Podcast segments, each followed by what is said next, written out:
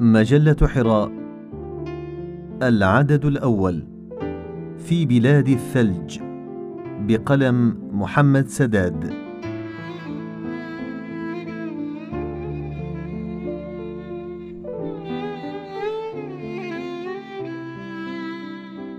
الفصل شتاء. المكان بلد من بلدان روسيا الشهيرة بجبالها الشاهقة وبردها القارس وثلوجها التي لا تذوب حتى نهاية الربيع. مضى على مغادرته لتركيا بضعة أشهر. حين ودع الأهل والأصدقاء كان يوما من أيام الخريف حيث أخذت أوراق الأشجار الصفراء تتساقط منذرة بنهاية الأيام الجميلة. إنه الآن في بلاد بعيدة تقع في أقاصي الأرض ولا يعرف عنها شيئا سوى ما قرأ في كتب القصص والأساطير. شاب في السادسة والعشرين من عمره تخرج في إحدى الجامعات الراقية بإسطنبول. يتقن اللغة الإنجليزية كلغة الأم. نعم إنه الآن بعيد عن الوطن في أرض لا يعرف لغتها ولا ثقافتها. دفعه إلى هنا صوت انطلق من أعماقه. امضي يا أخي.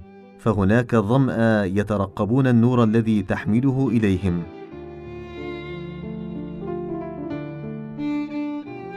أتى إلى هذه البقعة النائية من روسيا مدرسا للإنجليزية في ثانوية فتحها متطوعون من تركيا قبل عدة سنوات لنشر رسالة الحب والسلام. البرد قارس والجبال يكللها الضباب والثلوج تغطي كل مكان. المفروض ألا يتأثر بالبرد لأنه اعتاد على مثله في مدينة أردروم الشرقية الشهيرة ببردها وتساقط ثلوجها. غير أن الوضع هنا يختلف تماما. فهو يقسم أن جسده لم يشهد طوال حياته مثل هذا البرد. الفترة القصيرة التي انقضت ما بين نزوله من الطائرة وركوبه السيارة بدت له كأنها عام كامل.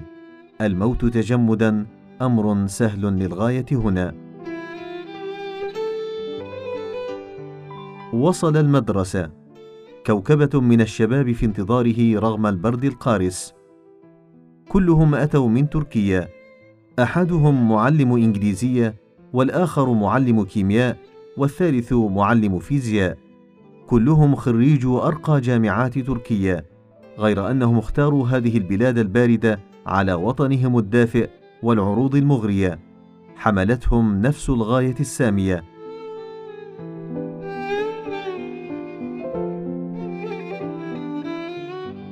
أثناء تجواله في الممرات والفصول تحدث مدير المدرسة عن ضيق الإمكانيات والمواقد المعطلة ومشكلة الكهرباء التي لا يعلم إلا الله متى تعمل وأمورا أخرى كثيرة.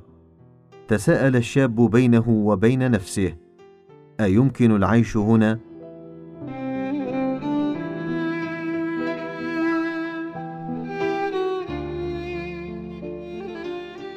تعلقت نظراته على زملائه وهم يطوفون حوله بحماس.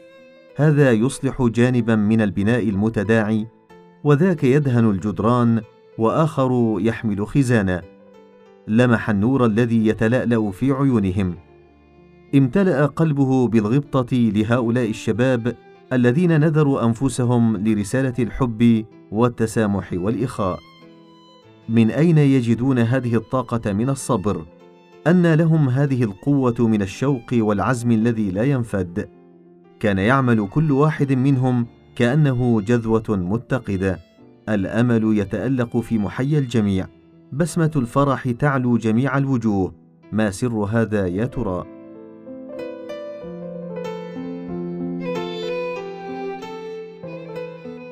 عندما بدأت العتمة تسري في الجو علم أن الشمس مالت إلى المغيب. أين هو السعيد الذي يحظى برؤية الشمس؟ الغيوم الرمادية تغطي الآفاق هنا أكثر من ستة أشهر. ذهبوا به إلى منزل أحد تلاميذ المدرسة. خلافا للبرودة المجمدة احتضنته حرارة حنون في الداخل. بعد قليل لاح التلميذ يحمل صينية أكواب من الشاي الساخن.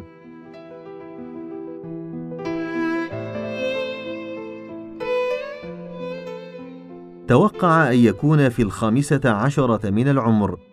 قامته تميل إلى الطول شعر أصفر يميل إلى الحمرة عينان زرقاوان في وجه مستدير أبيض تعلوه ابتسامة الترحاب. أثناء تقديمه الشاي قال التلميذ للضيف الجديد بلغة تركية جيدة أنا أجيد اللغة التركية. حاول الضيف أن يغطي حيرته بابتسامة متكلفة قل شيئا بالتركية إذن. حدق الفتى في عينيه وقال بصوت رخيم وبسمة واسعة وكأنه اكتشف تساؤلاته التي تصطرع داخله منذ النهار أما ترضى أن تكون لهم الدنيا ولنا الآخرة؟